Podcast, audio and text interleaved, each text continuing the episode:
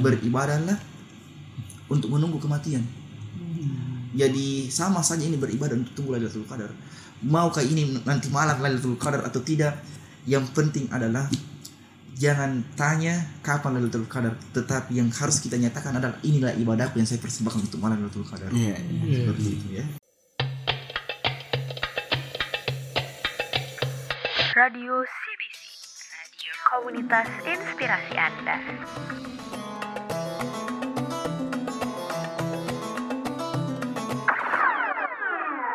Assalamualaikum warahmatullahi wabarakatuh. Waalaikumsalam warahmatullahi wabarakatuh. Ya, kembali lagi bersama saya di CBC Radio. Tema yang akan kita bahas kali ini yaitu keutamaan malam Lailatul Qadar yang di mana saya ditemani oleh dua teman saya. Yang pertama, Muhammad Sadam Ali. yang kedua, Saya sendiri Asad Nur Hilal. iya. Dan kita kedatangan narasumber yaitu Kak Sukardi. ya Kak. Soekardi. Yang ngomong-ngomong nih Kak, apa sih kesibukan Kakak pada Iya. saat ini? Jadi, eh, jadi saat ini kakak berdas sebagai seorang mahasiswa di Politeknik Negeri Ujung Pandang pada jurusan Teknik Sipil Program Studi Perancangan Bangunan Gedung. Kalau boleh tahu angkatan Kakak Oh, kalau kakak angkatan tahun 2019 selesai diploma 3 tahun 2020 kemarin dan saat ini sebagai berstatus sebagai mahasiswa di Jenjang untuk penyetaraan ke D4. Wah, masya Allah. Ya, eh, sebelum kita masuk ke pembahasan yang lebih lanjut, pasti nih teman-teman sobat CBC, apa sih itu malam Lailatul Qadar? Oh iya, Betul sekali. Insya ini pertanyaan yang sangat bagus ya Dek. Jadi eh, malam Lailatul Qadar itu kita akan artikan ke dalam dua hal. Yang pertama dari segi bahasa, kemudian yang kedua dari segi istilah. Kalau dari segi bahasa atau, atau etimologi, malam Lailatul Qadar itu berasal dari dua kata, yakni kata al-lail dengan kata al-qadar. Kata al-lail itu artinya malam hari, kemudian kata al-qadar artinya ukuran atau ketetapan. Nah, kalau kita gabung dari dua kata ini mengindikasikan sebuah arti bahwasanya malam di mana Allah Subhanahu wa taala menetapkan perjalanan hidup hambanya. Nah, itu dari segi bahasa. Kemudian dari segi istilah sudah menjadi common knowledge atau pengetahuan umum di masyarakat bahwasanya malam Lailatul Qadar itu malam kemuliaan, malam di mana Allah Subhanahu wa taala menurunkan Al-Qur'an. Berarti eh, malam ini bisa dibilang sangat mulia di Kadi Benar sekali. di yang di mana Al-Quran pada malam ini diturunkan di ya Nah, kalau boleh tahu Kak, eh, malam Lailatul Qadar ini sama setiap tahunnya. Oh ya, ini pertanyaan yang sangat bagus ya, Dek. Jadi eh, ini ada hadis dari Rasulullah SAW yang berbunyi bahwasanya carilah eh, kalian keutamaan malam Lailatul Qadar di 10 terakhir bulan suci Ramadan. Ya. Oh, 10. 10 terakhir bulan suci Ramadan. Berarti mulai dari 20 ya? Iya. 20 Ramadan. 20 Ramadan sampai ke 29 atau 30 Ramadan ya. Hmm. Nah pertanyaannya adik-adik, Bu, tadi pertanyaan sangat bagus. Apakah jatuh pada setiap, eh, malam yang sama setiap Iya. Ramadan? Dari berdasarkan eh, pendapat Imam Syafi'i atau Imam An Nawawi, hal demikian benar adanya. Jatuh pada malam yang sama, tetapi menjadi teka-teki sampai saat ini kita tidak tahu malam keberapa. Nah makanya adalah kita dimotivasi untuk memaksimalkan ibadah pada 10 per 10 terakhir di bulan suci Ramadan. Seperti itu. Tapi eh, ada pengetahuan saya itu Kak, malam Lailatul Qadar ini katanya 10 terakhir bulan Ramadan terus di setiap tanggal ganjilnya Kak. Iya benar. Iya, kan hadisnya adalah carilah kalian eh, malam Lailatul Qadar pada malam-malam ganjil di 10 terakhir Ramadan. Tetapi eh, diksi hadis dari dari satu sisi ada hadis Rasulullah SAW Aisyah meriwayatkan bahwasanya Rasulullah itu setiap ketika memasuki 10 terakhir bulan suci Ramadan beliau mengecangkan ikat sarungnya. Yang artinya Rasulullah benar-benar bersungguh-sungguh di 10 malam terakhir itu. Tidak hanya pada malam-malam ganjil saja. Artinya 10 terakhir beliau sudah memaksimalkan ibadah. Seperti itu Wah, nggak bakalan sungguh-sungguh saya nih. udah, udah, tanggal, udah hari ke-20 ya Iya. sekarang masuk hari 20. akan tetapi biasa saya dengar tuh pada malam 27 itu Iya. malam Lailatul Qadar itu yang- salah satu pendapat Iya. Iya. Jadi sebenarnya ada eh, pendapat terkait dengan jatuhnya malam Lailatul Qadar banyak. Banyak. Ada yang mengatakan malam Lailatul Qadar itu jatuh pada ma- malam tanggal 17 Ramadan. Ada yang mengatakan jatuh pada tanggal 27 Ramadan. Ada yang mengatakan dan ini yang paling umum kita ketahui berdasarkan banyak hadis yakni pada malam-malam ganjil tetapi tidak ditentukan kapan terjadinya. Kenapa kemudian eh, tidak ditentukan kapan terjadinya? Karena kapan kita ketahui eh, malam kesekian malam Lailatul Qadar kita hanya menghidupkan malam terakhir itu malam itu saja. Iya, betul. Iya, iya. Nah, makanya eh, dirahasiakan seperti biar itu. semangat ibadahnya lagi Tapi kak, eh, saya juga pernah sering dengar gitu kalau malam Lailatul, Lailatul Qadar itu sering disebut malam seribu bulan. Iya. Eh, apa ada makna yang tersendiri nggak sih kak itu? Oh iya, terkait dengan makna malam seribu bulan ini, ini dalil bukan dalil berasal dari manusia, tetapi Allah Subhanahu wa taala yang pro- memproklamirkan dalam Al-Qur'an. Inna anzalnahu fi Lailatul Qadar. wa ma adraka ma lailatul qadar, lailatul qadar dan seterusnya. Jadi malam ini malam yang lebih baik daripada malam seribu bulan. Nah ini ternyata ada asbabun nusulnya. Jadi eh, yang pertama, berdasarkan hadis itu Rasulullah SAW diperlihatkan usia atau umur umat-umat terdahulu. Seperti yang kita ketahui itu umur-umur eh, umat-umat terdahulu mulai dari umat umurnya umatnya Nabi Adam misalnya sampai umur umat sebelum Rasulullah SAW itu panjang-panjang ya panjang. Nah Rasulullah ini merasa gundah. Kenapa Rasulullah merasa gundah? Bagaimana saya bisa memaksimalkan ibadah seperti umat-umat terdahulu? Padahal umat saya ini umur usianya terbatas. Kan kita ketahui sudah menjadi rumus umum itu bahwasanya Umur-umur Rasulullah itu berkisar sampai 60 tahun saja ya. Iya iya Nah makanya Allah Subhanahu Wa Taala memberikan satu hikmah eh, kepada kita yang tidak pernah diberikan pada umat-umat sebelumnya. Jadi tidak ini malam Lailatul Qadar tidak diberikan kepada umat-umat sebelum umat Islam tidak ada. Cuma dikhususkan kepada umat Islam saja yakni apabila kita memaksimalkan ibadah pada malam hari itu maka ibadah kita seolah-olah beribadah kurang lebih seribu bulan atau 82,6 tahun. Seperti itu ya. Seperti itu eh, dasar hukumnya. Kenapa itu seperti itu malam eh, seribu bulan?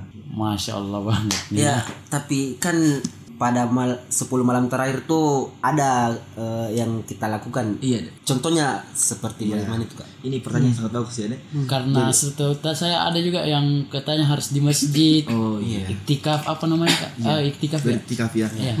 Jadi banyak amalan yang sebenarnya bisa kita lakukan menjelang 10 terakhir eh, bulan suci Ramadan. Yang paling paling disunahkan adalah beriktikaf atau berdiam diri di masjid. Ya, Nah. kita dianjurkan untuk itu ya. Nah, kemudian selanjutnya seperti apa lagi? Amalan-amalan apa lagi? Ada amalan yang dianjurkan. oh apa? Ya, ada doa yang dianjurkan. Allahumma innaka afun tuhibbul afwa fa'fu anni. Kita memperbanyak doa memohon ampun di 10 terakhir bulan suci Ramadan. Allahumma innaka afun tuhibbul afwa fa'fu anni. Biasakan ini kita dengar kalau sebelum buka puasa ya. Nah, itu. iya Kak. Iya. Jadi banyak meminta maaf ampun adek. Karena kenapa? Kita masuk bulan suci Ramadan ini eh, saya sampaikan ini kita ibaratnya bulan Ramadan ini adalah bulan terbiah dan di mana bulan ini kita berpuasa. Nah, ini nanti kita sedikit keluar. Saya mengambil satu perumpamaan di, di bulan Ramadan kan kita berpuasa. Ilmu pengetahuan membuktikan kepada kita bahwasanya berpuasa itu bukan hanya diterapkan oleh manusia, tetapi juga hewan. Hewan. Iya. Tahu contoh hewan yang berpuasa? hewan yang berpuasa unta bukan Ah, Ulat. Ya ulat. Oh, ulat. Apalagi?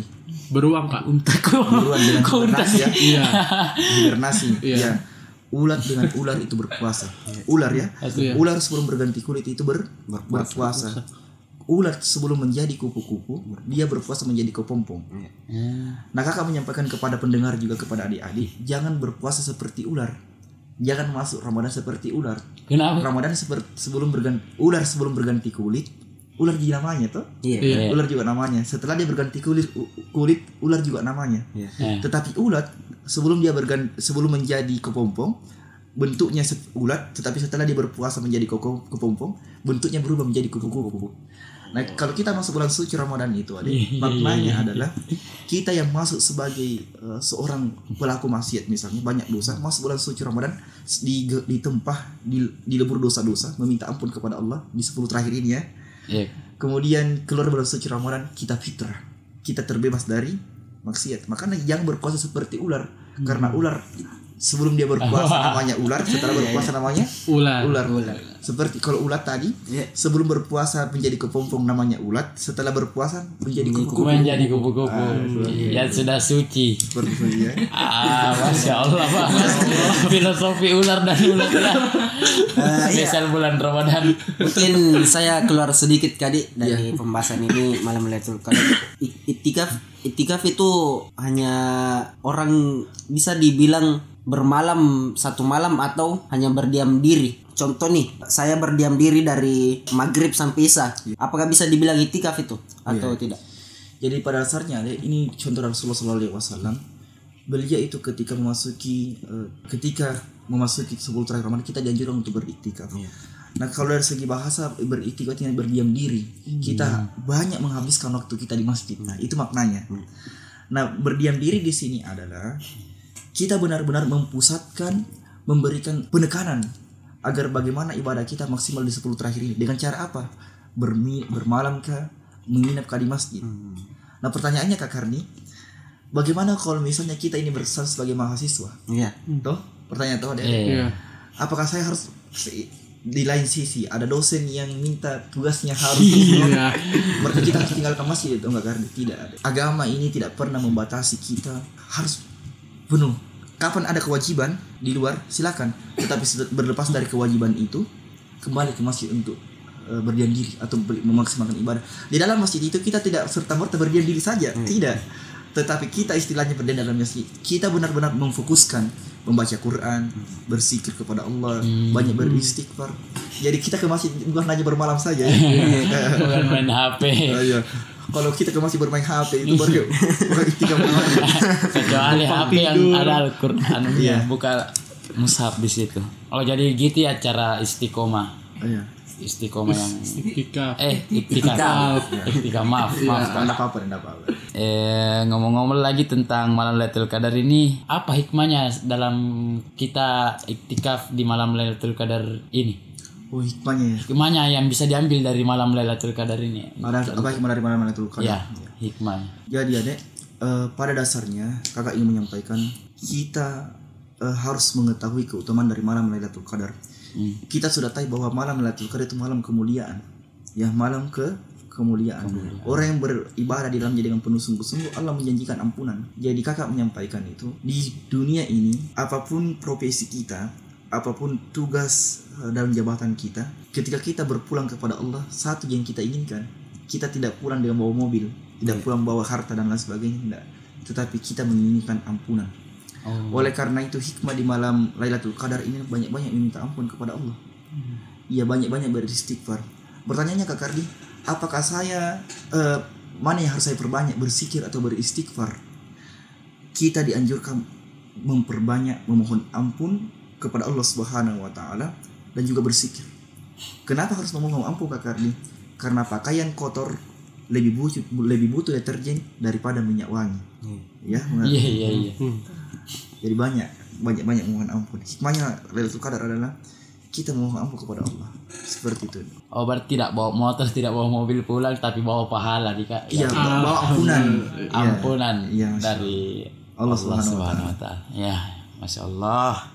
Tapi kak, ada nggak sih kak kesalahan yang sering dilakukan sama umat muslim dalam menyambut malam Lailatul Qadar ini? Nah ini gue, iya, jangan sampai penting juga itu. tidak sempurna lah Oh untuk iya. tidak mendapatkan malam Lailatul Qadarnya capek di masjid. Cuma lah. satu kesalahannya saja.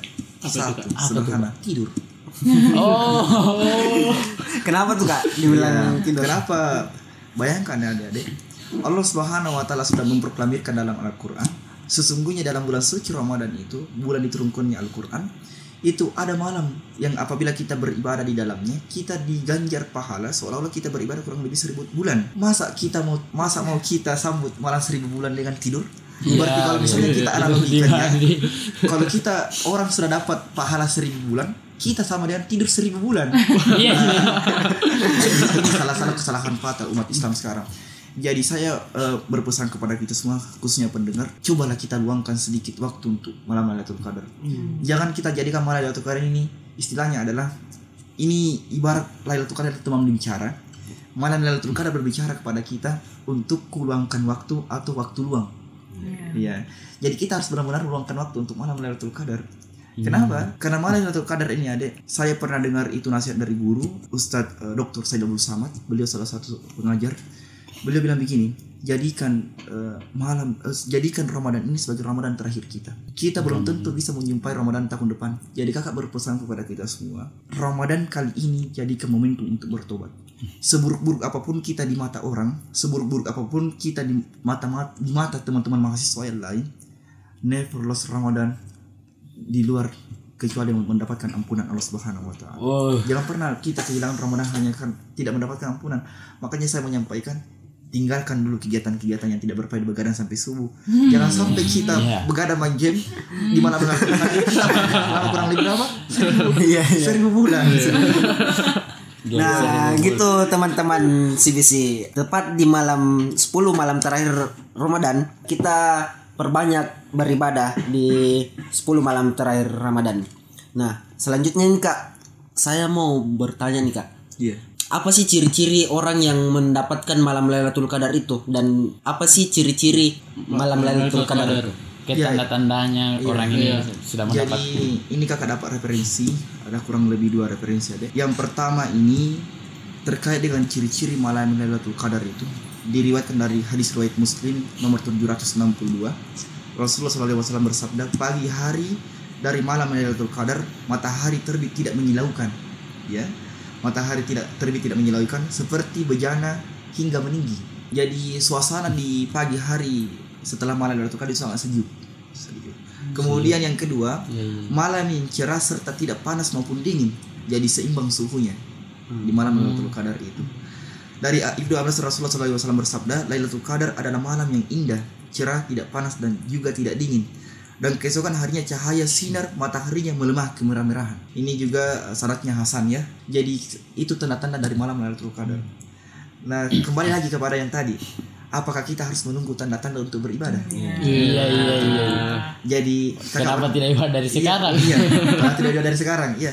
Jadi istilahnya adik-adikku, kalau kita tarik keluar dari materi dari Lailatul Qadar ini, jangan beribadah, jangan beribadah hanya ketika kita di masa tua.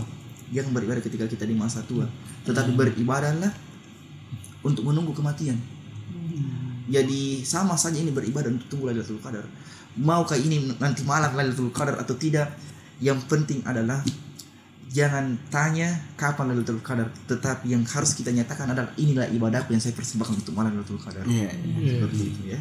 Ya, saya juga ingin mengu- mengutip apa di yang bisa dibilang pesan. Iya. Saya beribadah seolah-olah besok saya akan mati. Iya. Ya, gitu di kadi. Ya ngomong-ngomong lagi tentang malam Lailatul Qadar adalah malam yang lebih baik dari seribu bulan kak. Yang mau saya tanyakan itu malam apa ini? Kenapa bisa dibilang lebih istimewa dari seribu bulan? Oh, Kak? Di malam itu ada apa saja di malam itu yang Oh ya. Ini secara spesifik ya. bayangkan ini seribu bulan. Seribu bulan. ini saya, saya pemikiranku. Kak. Kalau kita eh, mencermati Al-Quran secara komprehensif, khususnya pada surah Al-Qadar itu, di situ Allah Subhanahu wa taala secara lafaz, secara falsiyah dan harfiah menyatakan kepada kita bahwasanya di malam Lailatul Qadar Allah Subhanahu wa taala menurunkan Al-Qur'an. Jadi harus yang kita pahami adalah Allah Subhanahu wa taala memberikan huda atau petunjuk kepada kita. Ini sudah menjadi eh, common knowledge, sudah menjadi pengetahuan umum masyarakat kalau malam Lailatul Qadar adalah malam turunnya Al-Qur'an. Jadi di malam Lailatul Qadar itu kita seharusnya berbahagia karena di malam itu Allah Subhanahu wa taala menurunkan Al-Qur'an itu hikmah yang paling mendasar. Hikmah yang kedua adalah yang harus kita perhatikan. Ternyata Allah Subhanahu wa taala memberikan Al-Qur'an kepada kita itu sebagai petunjuk. Kenapa Kak Kardi sebagai petunjuk? Karena kalau kita ingin mendapatkan rahmatnya Allah, mendapatkan cintanya Allah, ridhonya Allah adik-adik, kita harus punya pedoman. Dan pedoman itu adalah Al-Quran. Al-Quran ini sebagai salah satu kurikulum kehidupan manusia, mulai dari huruf ba sampai huruf dari huruf ba sampai dari Al-Fatihah itu sampai huruf sin di surah An-Nas, minal jinnati wan nas. Kan sin ditutup dengan huruf yang terakhir ya. Itu kurang lebih jumlah hurufnya 1 juta 27 ribu huruf dalam Al-Quran. 1 juta 27 ribu huruf dalam Al-Quran. Dan 1 juta 27 huruf dalam Al-Quran itu merangkai sebuah kalimat yang menjadi petunjuk bagi umat manusia. Makanya Al-Quran kita berbahagia karena itu Al-Quran di malam Lailatul Qadar. Makanya ada pe- eh, salah satu pemikir Turki yang mengatakan kalian kan mahasiswa sebenarnya banyak mengeksplor itu pemikir ya. Katanya pemikir Turki Said Badi Usama, Said Nursi mengatakan apabila kita memandang Al-Quran dengan pandangan mata, maka yang akan kita lihat hanyalah huruf-huruf. Apabila kita memandang Al-Quran dengan pandangan akal, maka kita akan melihat kasih sayang. Apabila kita memandang Al-Quran dengan pandangan jiwa, kakak ulangi adek. Apabila kita memandang Al-Quran dengan pandangan mata, maka yang akan kita lihat hanyalah huruf-huruf. Apabila kita memandang Al-Quran dengan pandangan akal, maka kita akan melihat ilmu pengetahuan. Hmm. Apabila kita memandang Al-Quran dengan pandangan jiwa, maka kita akan melihat cinta kasih. Dan apabila kita memandang Al-Quran dengan pandangan hati, maka kita akan melihat Allah Subhanahu wa taala. Jadi intinya adalah Kolbu. syukuri malam Lailatul Qadar ini, syukuri bulan suci Ramadan ini dan syukuri diturunkannya Al-Quran. Karena dengan hanya Al-Quran lah yang menjadi kurikulum, yang menjadi patron, yang menjadi image bagi kita agar kita bisa dicintai oleh Allah. Apa yang kita cari kalau misalnya Allah sudah cinta kepada kita? Tuh, Mai. itu aja. Mulai jangankan orang kalau Allah sudah cinta. Iya. Hambanya. Ih. Tapi kak eh, malam Lailatul Qadar ini apakah hanya penting bagi orang yang berpuasa? Karena kan bagi sebagian orang kan misalnya perempuan itu kan misalnya halangan. Iya. Nah itu bagaimana kak? Iya ya, jadi ini pertanyaannya sebenarnya sangat spesifik ya. Ini sangat penting karena menyangkut terkait dengan dalil agama kita. Jadi pada dasarnya Lailatul Qadar ini malam yang sangat istimewa. Ada orang yang berpuasa dan tidak berpuasa. Setiap orang harus memiliki prinsip do my best. Lakukan yang terbaik versi kita. Jadi kalau misalnya perempuan yang beruzur yang diberikan halangan oleh Allah Subhanahu wa taala, banyak cara untuk menghidupkan malam Lailatul Qadar. Dengan cara apa? Berbanyak beristighfar. Apakah ada larangan kepada kita orang yang berusur itu dilarang beristighfar? Tidak. Makanya saya menyarankan kepada kita semua, do my best, cari cara untuk menghidupkan malam Lailatul Qadar. Ini hanya tidak berkhusus pada orang yang berpuasa, tetapi alangkah baiknya, alangkah baiknya adalah khususnya bagi yang laki-laki ya. Iya. Saya berpesan kepada kita semua itu jangan ada bolong puasa di bulan suci Ramadan. Maaf kita kalau misalnya ya kalau laki-laki bolong puasanya akan dipertanyakan. Iya betul. Ya, jangan ya. Insya Allah amin. Nah, ada lagi nih Kak. Bagaimana sih cara kita tidak bosan atau melelahkan melakukan malam Lailatul Qadar ini? Ibadah ibadah. Ibadah, ibadah. Istiqomah ya kak di. I- Saya punya tiga jawaban untuk ini.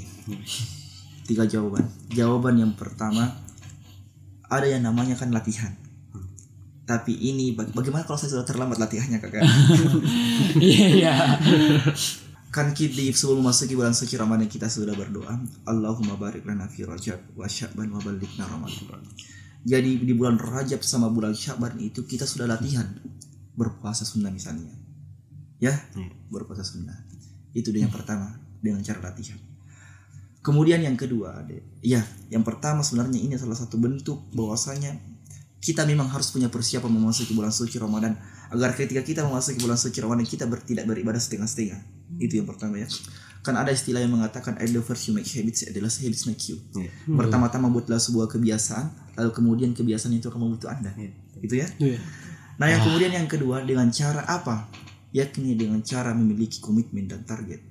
Komitmennya seperti apa Kak Karni? Kita tahu bahwasanya Ramadan ini adalah salah satu momentum untuk berubah. Maka jadikan Ramadan ini sebagai momentum untuk berubah. Ya Allah, di bulan Ramadan ini saya menjadi anak yang baik untuk orang tua. Saya menjadi mahasiswa yang baik untuk dosen. Saya menjadi warga masyarakat yang baik bagi pemerintah. Kenapa? Karena Ramadan ini karena bulan tarbiyah kita jadikan sebagai bulan motivasi. Bagaimana cara konsistennya Kak Kardi? Dengan cara dua deh. Konsisten yang pertama adalah dengan cara berdoa. Karena tidak ada manusia yang bisa menjamin ikhtiarnya penuh kecuali atas pertolongan dan hidayah dari Allah Subhanahu wa taala. Kemudian yang kedua, senantiasa melakukan secara perlahan-lahan, tidak langsung memproses langsung yang banyak ya. Iya. Ya, nanti. Seperti itu. Ada katanya yang di pertama dipaksa terus menjadi kebiasaan apa gitu benar tuh kak istilah gitu yang dipaksa pertama Iya. dalam agama Itu kan tergantung eh, kapabilitas dan kapasitas seseorang. Hmm. Kalau misalnya mentalnya kuat untuk dipaksa ya, mungkin saja berhasil ya. Iya. Tetapi kalau misalnya ada orang yang butuh perlahan-lahan, ya enggak apa-apa juga. Artinya senantiasa ada usaha untuk memperbaiki dalam hidup dan kehidupan kita. Detik ke detik, menit ke menit, jam ke jam, hari demi hari. Yang penting yang harus kita perbaiki adalah hari ini harus lebih daripada hari kemarin. Itu intinya. la takanatu min rahmatillah iya iya iya Ya. Ah, sudah nggak terasa ya kak sudah lama sekali kita lama banget jadi mungkin apakah ada nasihat Iya. yang akan kakak berikan kepada pendengar yang mungkin lagi beribadah mencari malam Lailatul Qadar ini untuk yang sedang berpuasa di bulan Ramadan sekarang apakah ada nasihat dari kakak Oh iya. yang mau disampaikan kepada pendengar ini terkhusus kepada semua teman-teman mahasiswa karena ini rata-rata mungkin pendengarnya mahasiswa ya. Mungkin ya, masyarakat umum. Saya berpesan kepada kita semua be konsisten. Jadi jadilah orang yang konsisten. Kenapa harus konsisten adik-adik? Karena Tuhan yang kita sembah, Allah yang kita sembah di malam Lailatul Qadar itu juga sembah itu juga Tuhan yang kita sembah di malam-malam yang lainnya. Tidak ada bedanya. Jadi Iya, pesan saya adalah be konsisten. Eh, tetaplah konsisten dengan ibadah kita. Mudah-mudahan keluar dari bulan suci Ramadan ini kita tadi berpuasa seperti ulat. Kenapa berpuasa seperti ulat? Saya kembali tadi seperti ulat dari segi manfaat. Tahu ular tuh? Ular itu ada sebelum dia berpuasa banyak membawa kerugian. Ayam dia lihat ayam dia makan. Bahkan setelah dia berganti kulit, bahkan kalau rusa dia lihat rusa dia makan. Tidak ada perubahan. Berarti dia banyak membawa kerugian. Tetapi ulat yang sebelumnya dia banyak merugikan masyarakat, menjadi hama, makan padinya orang, makan daun dan lain sebagainya. Setelah dia berpuasa menjadi kupu-kupu, dia membantu penyerbukan bunga. Itu membawa manfaat. Jadi kalau kita jadikan Ramadan ini sebagai bulan terbiak, bulan kurikulum kehidupan, kita masuk bulan suci Ramadan dengan punya niat untuk memperbaiki diri. Ketika kita keluar dari bulan suci Ramadan, kita bisa menjadi orang yang benar-benar muslim yang taat, muslim yang senantiasa mau membawa perbaikan baik dalam diri kita, keluarga kita, lingkungan kita, kampus kita, himpunan kita maupun di lingkungan masyarakat kita. Hmm. Jadi kakak berpesan jadikan jangan jadikan Ramadan ini seperti Ramadan tahun-tahun sebelumnya. Artinya kenapa tidak ada perubahan yang kita bawa? Ketika kita masuk bulan suci Ramadan tahun ini, artinya do my best ini adalah persi terbaik saya ya Allah. Saya mau memaksimalkan ibadah. Ini sudah malam keberapa? Malam ke-20. Iya. Iya. Jadi maksimalkan ibadah kita dengan membaca Al-Quran. Bayangkan adikku, kalau satu juta dua puluh tujuh ribu huruf dalam Al-Quran itu, kan ada eh, hadis yang mengatakan satu huruf diganja 10 kebaikan. Satu juta dua ratus satu juta dua puluh tujuh ribu huruf dikali 10 10 juta dua ratus tujuh puluh ribu kebaikan yang kita dapatkan kalau dari bulan suci Ramadan. Siapa yang mau digaji 10 juta kalau baca Quran saja selama satu bulan? Siapa yang nggak mau? Jadi maksimalkan ya itu pesan kakak. Tapi kak, kalau misalnya anggaplah saya punya teman awang, ya kan? terus eh, malam ini saya mau ah, ibadah Lailatul Qadar lah, terus eh, mau ajak awang, tapi awang ini kayaknya orangnya malas gitu kayak Iya. awang ayo awang eh, ibadah terus dia awang bilang ah ngapain mending gue main petasan nah, siapa tahu begitu apakah, apakah itu harus ada unsur paksaan apa gimana kak Iya. Sebenarnya adikku tidak ada tidak ada paksaan dalam memeluk agama Islam itu langsung agama. Kemudian yang kedua, tidak ada paksaan untuk menarik orang kepada jalan kebaikan. Kakak ingin menyampaikan dua pesan. Eh, niatnya adik tadi mengajak temannya kepada kebaikan, saya jempol. Karena kenapa Kak Kardi? Tidak gugur kewajibanmu melarang orang berbuat maksiat meskipun dirimu pelaku maksiat Hmm. dan tidak gugur kewajibanmu mengajak orang kepada kebaikan meskipun kamu bukan orang baik. Itu yang pertama kakak apresiasi ya. Itu sangat bagus adik. Kemudian yang kedua yang kakak sampaikan, kita harus punya metode. Awang, ayo ke masjid dulu Lailatul Qadar. Nanti kalau sudah Lailatul Qadar, saya berikan petasan. Saya rasa dek. Kenapa dek? Dakwah sekarang itu kalau kita kemas dengan paksaan, eh, saya rasa tidak ada orang yang mau dipaksa. Dosen pun ketika misalnya mau memaksa mahasiswanya itu mengerjakan tugas ini tugas itu, mahasiswanya pasti istilahnya orang Makassar makoro-koro kalau di belakang tuh. Tetapi kita harus punya metode tersendiri bagaimana mengajak kita kepada kebaikan. Contohnya misalnya, awang eh, kita ke masjid. Nanti kalau kita ke masjid nanti saya berikan kota. Kalau misalnya nanti di masjid ada kue. Kita, kita punya metode tersendiri atau bahkan misalnya kalau kita orang berprestasi di kampus awam ketika kamu berhasil membaca Quran selama Quran 30 juz misalnya selama bulan Ramadan saya jamin tugasmu selama satu bulan saya kasih nyontek Mantap tadi kak. Tapi kenapa nih? tapi gimana itu kalau dikasih contek emang nggak apa-apa yang bohong itu, artinya salah satu metode ya salah satu saya persuasif nih. meskipun itu tidak dibenarkan ya dek jadi Iya iya harus iya punya iya. iya. metode. Kenapa? Bayangkan kalau kita mau force teman tahu oh ini haram ini tidak diperbenarkan oleh agama. Bisa jadi teman kita karena sudah musim puasa haus capek terkena macet di jalan paling-paling bisa kena tinju itu. Jadi kita harus punya metode awal ayo ke masjid nanti setelah kita ibadah salat tarawih di masjid setelah baca Quran kita main petasan sama-sama. Kita yang foto saya yang anu koreknya ya. Oh berarti harus sekreatif mungkin ya kak. iya harus benar-benar kita punya metode mengajak orang kepada kebaikan. Supaya nggak risih juga. Iya seperti itu. Jadi itulah sobat-sobat CBC manfaat dari malam Lailatul Qadar. Ya, mudah-mudahan teman-teman CBC juga ikut ini apa namanya? Ikut Mencari Ber- beribadah yang beribadah Lailatul sungguh-sungguh. Sungguh-sungguh. Karena kan Betul sekali. dari tadi kita ngomongin manfaatnya, wah banyak sekali alhamdulillah. Percuma manfaat diomongin kalau nggak dipraktekin. Betul. Ilmu di semua daging. Nah, jadi terima kasih untuk Kak Kardi yang udah lumayan lama tapi masih sabar dengan kita yang meskipun pertanyaannya aneh-aneh mungkin. Eh, buat saudara awang ada kata-kata mungkin perbanyaklah beribadah dan perbanyaklah eh, beristighfar baik itu kita pelaku maksiat banyak dosa perbanyaklah eh, Masya Allah. beribadah Itu. Masya Allah. Kelas ke itu itu itu kata-kata dari awang mungkin dari saudara Asad sekarang. Apakah ada kata-kata saudara Asad? Kalau saya semangat beribadah tetap istiqomah di jalan Allah. Gas terus ya, gas terus. Nah, mungkin itu aja dari kita teman-teman CBC. See you in the next episode.